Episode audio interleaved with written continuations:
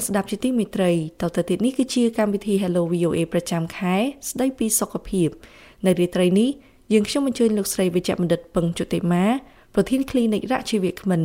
លោកស្រីនឹងពិភាក្សាប្រធានបទអំពីបញ្ហាសុខភាពស្ត្រី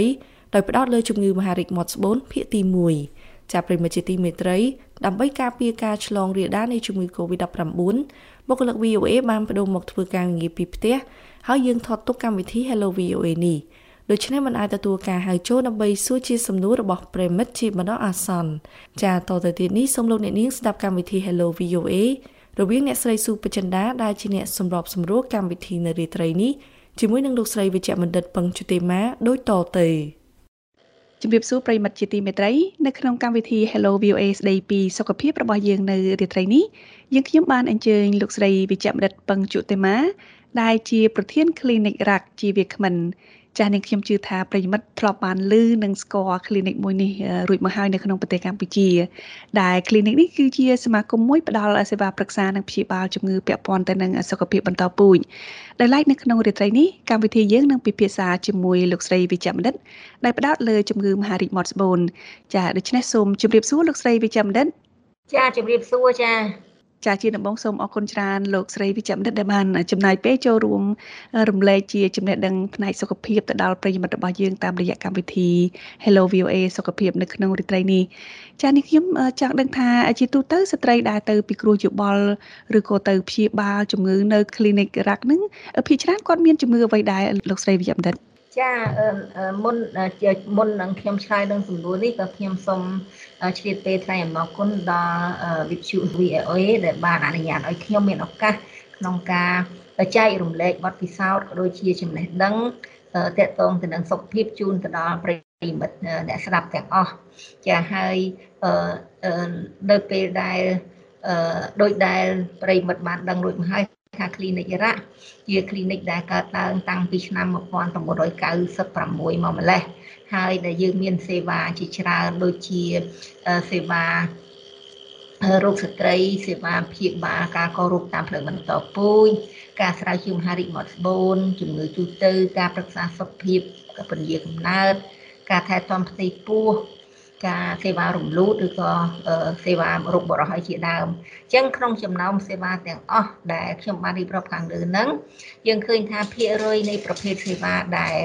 អតិថិ ជនបានមកប្រើប្រាស់ច្រើនជាងគេនៅ clinic រ៉ាក់ហ្នឹងគឺសេវារោគស្ត្រី ដែលមានតួលេខប្រហែលជាជិតទៅនឹង30%ក្នុងចំណោមសេវាដតីដតីទៀតហើយបន្ទាប់មកគឺសេវាព្យាបាលការគោរពតាមផ្លូវបន្តពូជហ្នឹងក៏ជាសេវាដែលអតិថិជនប្រើប្រាស់ច្រើនដែរដែលមានជាតួលេខគឺ25% ចាដោយឡែកការស្រាវជ្រាវមហារីកមាត់ស្បូនគឺនៅក្នុង clinic រ៉ាក់របស់យើងគឺយើងមានអតិថិជនដែលមកប្រើប្រាស់សេវានេះមានប្រហែលជាជិតទៅនឹង10%ក្នុងចំណោមសេវាដទៃដទៃទៀតចាចានិយាយទៅដល់ជំងឺមហារីកមាត់ស្បូននេះ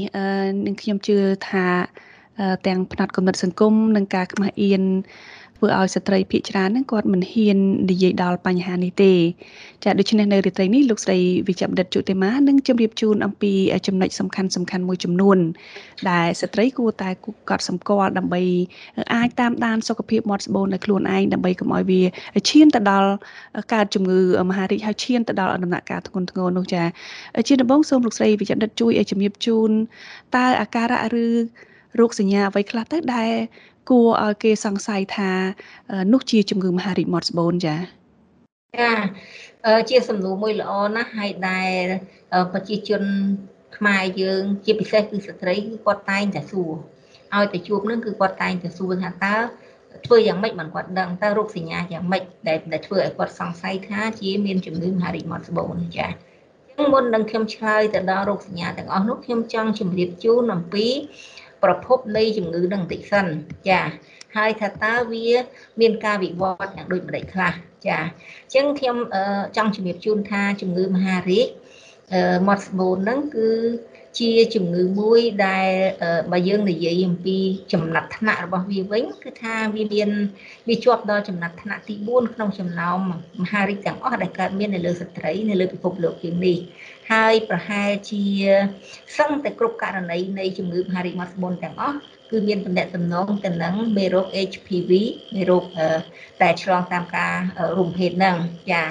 នឹងជាភាសាបរទេសណាចា HPV ហ្នឹងគឺអក្សរពេញរបស់វាគឺ Human Papilloma Virus ចាដែលមេរោគហ្នឹងគឺ អាចធ្វើឲ្យកោសិកានៅមាត់ស្បូនរបស់ស្ត្រីនឹងមានការប្រែប្រួលនិងឈានទៅរកមហារីកគេបានសង្កេតឃើញថាប្រហែលជា70%នៃមហារីកមាត់ស្បូនទាំងអស់បណ្ដាលមកអំពីមេរោគ HPV ប្រភេទទី16និងទី18ហើយអឺដែល ដឹងនៅគេជួបញាតិញោមច្រើនជាងគេអញ្ចឹងសួរថាតើនៅពេលដែលពេលណាដែលមនុស្សមានការឆ្លងជំងឺហ្នឹងហើយបន្ទាប់ពីឆ្លងវាឲ្យមានការវិវត្តដូចម្ដេចចាបើនិយាយអំពីការចម្លងវិញគឺយើងថាអឺដោយសារតែមេរោគ HPV នេះគឺជាប្រភេទមេរោគដែលឆ្លងតាមការរួមភេទអញ្ចឹងអ្នកដែលអាចនឹងមានកើតជំងឺហ្នឹងគឺតើតែអ្នកនឹងមានការរួមភេទអញ្ចឹងណា ចារួមភេទជាមួយនឹងអ្នកដែលមានមេរោគហ្នឹងអញ្ចឹងនៅពេលដែលយើងមានការរួមភេទជាមួយនឹងអ្នកដែលមានមេរោគ HPV ហ្នឹងមេរោគ HPV ហ្នឹងគឺបានឆ្លងចូលទៅក្នុងខ្លួនមនុស្សនោះចាប៉ុន្តែជាសំណាងល្អដែរប្រហែលជា90%នៃអ្នកដែលភ្ជុកមេរោគនោះបានត្រឡប់មកជាសះស្បើយដោយខ្លួនឯងក្នុងកំឡុងពេលប្រហែលជា2ឆ្នាំចាហើយមានចំនួនតិចតួចទេដែលដែលមេរោគហ្នឹងពេលដែលឆ្លងចូលទៅក្នុងខ្លួនមនុស្សហើយវា វាស្ថិតនៅក្នុងក្នុងខ្លួនមនុស្សនឹងរហូតតែម្ដងដោយវាមិនមានធ្វើការផ្លាស់ប្ដូរអ្វីទេចាដោយឡែកគឺមានចំនួនតិចតួចណាស់ប្រហែលជា20%ទេនៃអ្នកដែលឆ្លងមេរោគហ្នឹងគឺបានវិវត្តទៅជាកោសិការបស់មាត់ស្បូនហ្នឹងគឺបានវិវត្តទៅជាយើងហៅថាត្រៀមមហារីកបានន័យថាមានការផ្លាស់ប្ដូរណាចាប៉ុន្តែវាអត់តន់ទៅដល់មហារីកទេគឺត្រៀមមហារីកហើយក្នុងចំណោមអ្នកដែល មានជំងឺត្រៀមមហារីកហ្នឹងគឺមានតែប្រហែលជា8%អីតែប៉ុណ្ណោះទេដែលវាអាចវិវត្តទៅជាមហារីក ចាអញ្ចឹងយើងនឹងឆ្លើយសំណួរបន្តទៀតថាតើអញ្ចឹងរោគសញ្ញាវាយ៉ាងដូចម្ដេចចាជាទូទៅនៅពេលដែលមានរោគ HPV នឹងឆ្លងចូលទៅដល់ក្នុងខ្លួនមនុស្សយើងមនុស្សស្ត្រីគឺមិនមានរោគសញ្ញាអ្វីគួរឲ្យកត់សម្គាល់ទេចា ការវិវត្តទៅរោគមហារីកមាត់ស្បូននឹងគឺប្រើរយៈពេលពី15ទៅ20ឆ្នាំចំពោះស្ត្រី ទូទៅស្ត្រីដែលមានសុខភាពធម្មតាហើយបើសិនជាស្ត្រីនឹងមានប្រព័ន្ធភាពស៊ាំចុះខ្សោយឧទាហរណ៍ដូចជាគាត់មានផ្ទុកមេរោគអេដគាត់មានជំងឺទឹកនោមផ្អែមអីជាដើមអញ្ចឹងការវិវត្តទៅរោគមហារីកមកស្បូនហ្នឹងគឺវាប្រើរយៈពេលពី5ទៅ10ឆ្នាំចាអញ្ចឹងនៅក្នុងដំណាក់កាលដែលមេរោគនឹងឆ្លងមនុស្សអត់មានដឹងរោគសញ្ញាអ្វីទេចាអញ្ចឹងនៅពេលដែល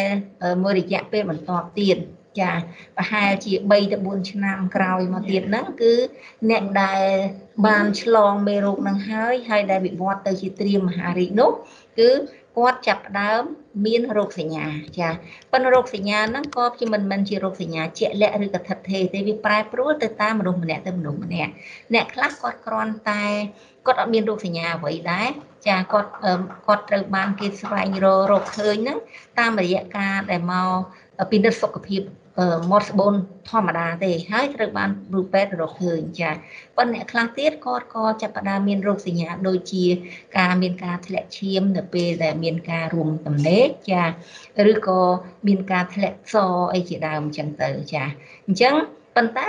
ជាសញ្ញាដែរវាមិនមិនជាមិនសូវជាគួរឲ្យចាប់អារម្មណ៍ទេដោយសារតែ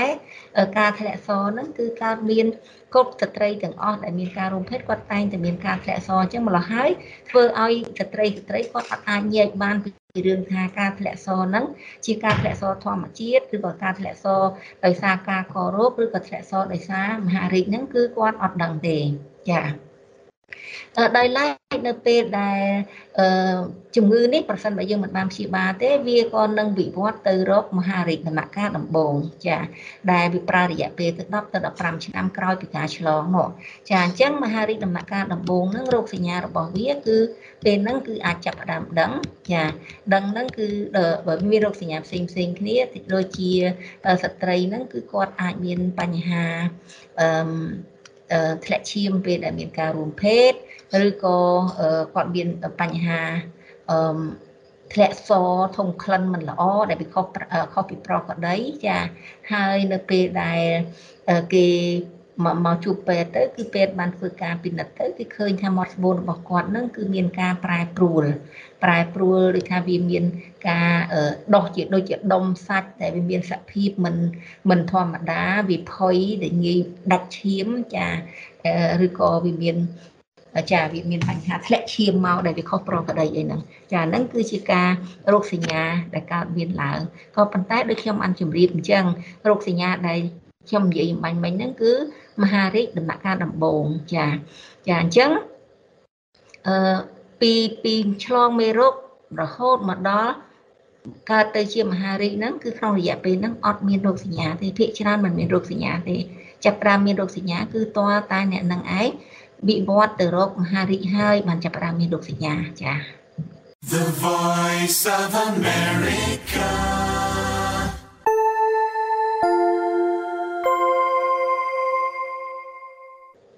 ចាអញ្ចឹងតើ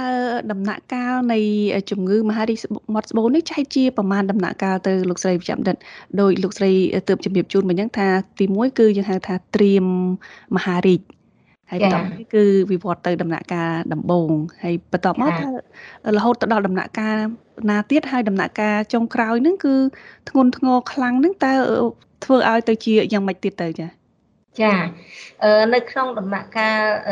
ដំបូងចាពីពីដូចខ្ញុំនិយាយពីខាងដើមអញ្ចឹងគឺថាទឹកពេលដែលមេរោគឆ្លងចូលមកក្នុងខ្លួនមនុស្សយើងគឺមេរោគហ្នឹងបានចូលមកក្នុងខ្លួនយើងហើយប៉ុន្តែ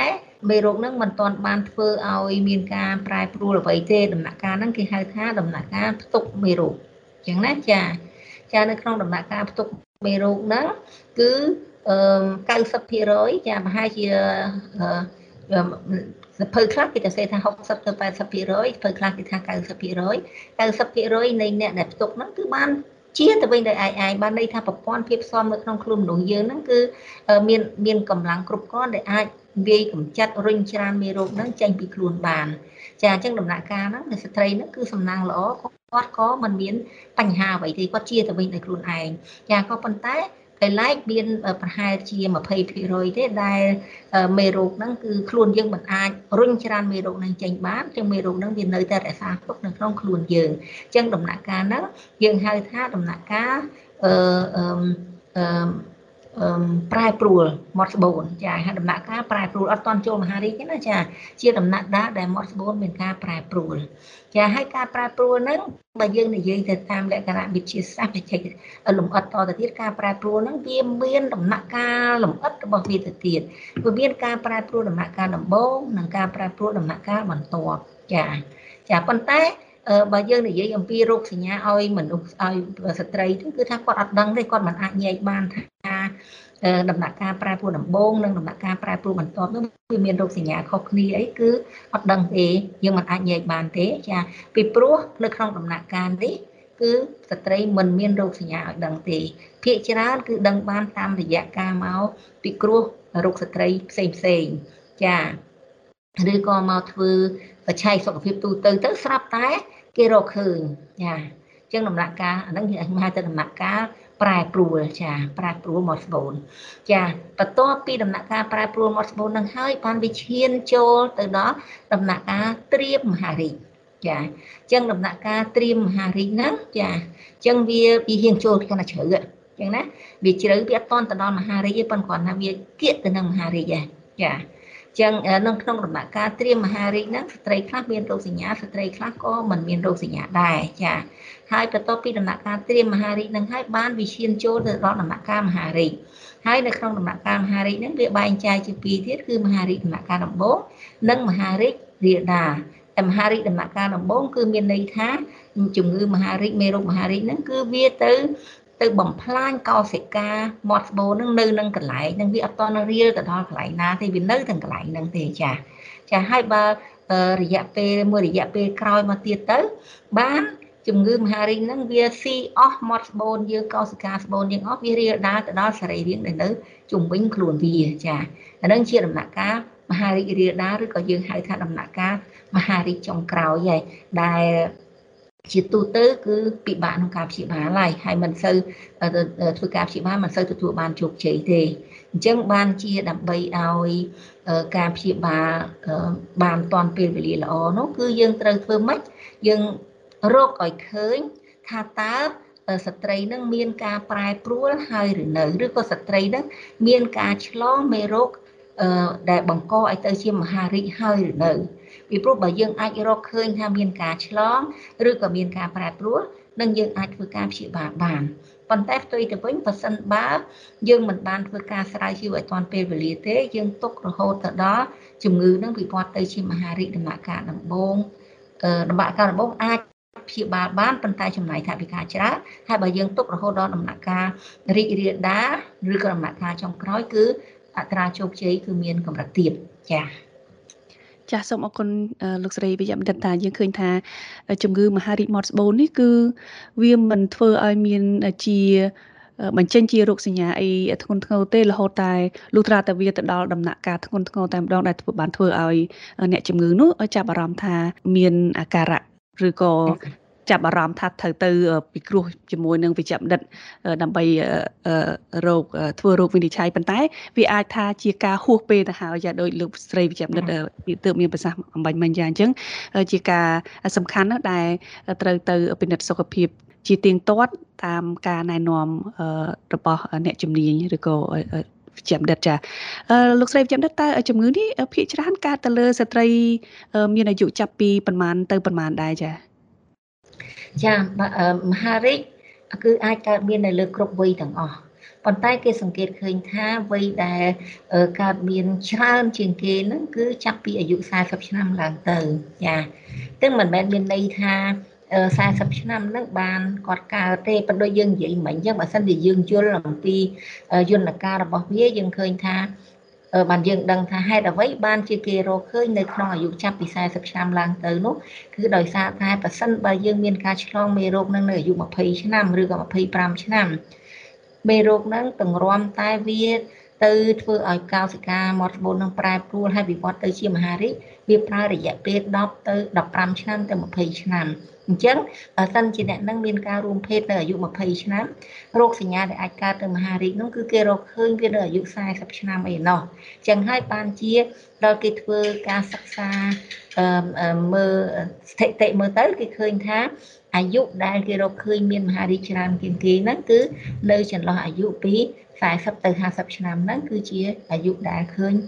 មហារីកច្រើនចា៎ The Voice of America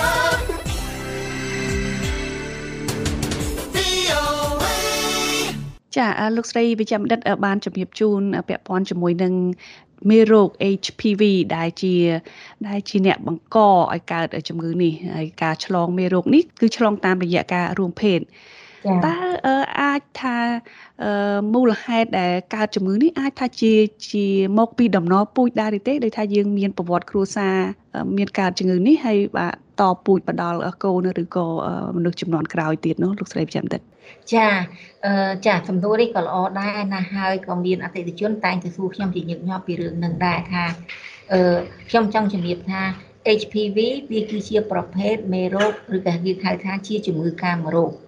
តែការចម្លើយប៉ុន្តែកាលណាយើងនិយាយពីកាមរោគមនុស្សម្នាក់ម្នាក់តែងតែគិតឃើញថាកាមរោគគឺជាជំងឺដែលឆ្លងតាមទឹកកាមចឹងហ៎ព្រោះពាក្យថាកាមរោគដែលបង្កើតឡើងដោយសារកាមចាចាជំងឺនឹងហ្នឹងគឺគិតថាកើតឡើងដោយទឹកកាមគឺមានន័យថាប្រហែលជាមានការរួមភេទប៉ុន្តែ HPV នេះវា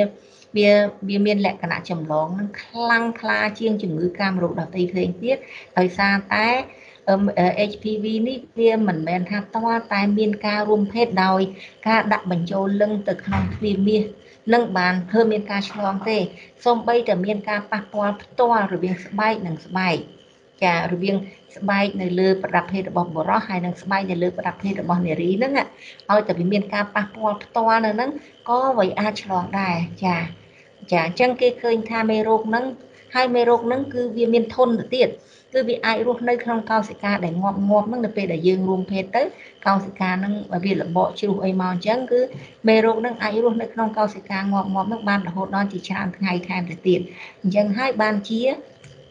អឺការចម្លងហ្នឹងគឺវាមានលក្ខណៈអឺខ្លាំងក្លាណាស់ចា ហើយដែលការតែប្រើប្រាស់ស្រោមអនាម័យតែមួយមុខហ្នឹងគឺវាអត់គ្រប់គ្រាន់ទេសម្រាប់ការពារដោយសារតែដូចខ្ញុំនិយាយបាញ់មិញហ្នឹងគឺថាមិនមែនថាតើតែយើងមានការរួមភេទដោយការដាក់បញ្ចូលប្រដាប់ភេទចូលទៅក្នុងប្រភេទស្ត្រីហ្នឹងបានយើងឆ្លងទេគឺថាគ្រាន់តែប៉ះហ្នឹងក៏វាអាចឆ្លងដែរចាអញ្ចឹង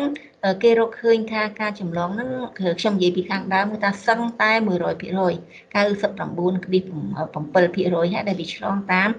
តាមមេរោគ HPV ហ្នឹងអញ្ចឹងយើងសួរថាចុះ0ក្បៀសជាងភាគរយហ្នឹងវាឆ្លងតាមណាចាអញ្ចឹងកន្លែងហ្នឹងគឺគេបានរកឃើញថា គេមិនទាន់និយាយថាវាជាកត្តាតំណពូជទេប៉ុន្តែគេគ្រាន់តែរកឃើញថាអ្នកដែលមានជំងឺអ្នកដែលមានក្រុមគ្រួសារមានជំងឺមហារីកចាគឺគាត់មានការប្រឈមមុខទៅនឹងជំងឺមហារីកហ្នឹងខ្ពស់ជាងអ្នកដែលមិនមានអឺ มันមានក្រុមគ្រួសារមានតំណពូជបែបហ្នឹងអញ្ចឹងណាចាអញ្ចឹងហើយបានជាគេចាក់ជាចាត់ទុកថាអឺអាតំណពូជហ្នឹងវាគឺជាហានិភ័យគេអត់ថាវាជាការចម្លងប៉ុន្តែវាជាហានិភ័យបង្កើននៅហានិភ័យនៃការឆ្លងប្រសិនបើស្ត្រីនឹងមានម្ដាយឬក៏មានបងស្រីមានជំងឺមហារីកគឺស្ត្រីនឹងមានហានិភ័យខ្ពស់ទៅនឹងកើតជំងឺមហារីកនឹងខ្ពស់ជាងស្ត្រីដែលមិនមាន សាច់ញាតិនឹងកើតជំងឺមហារីកចា៎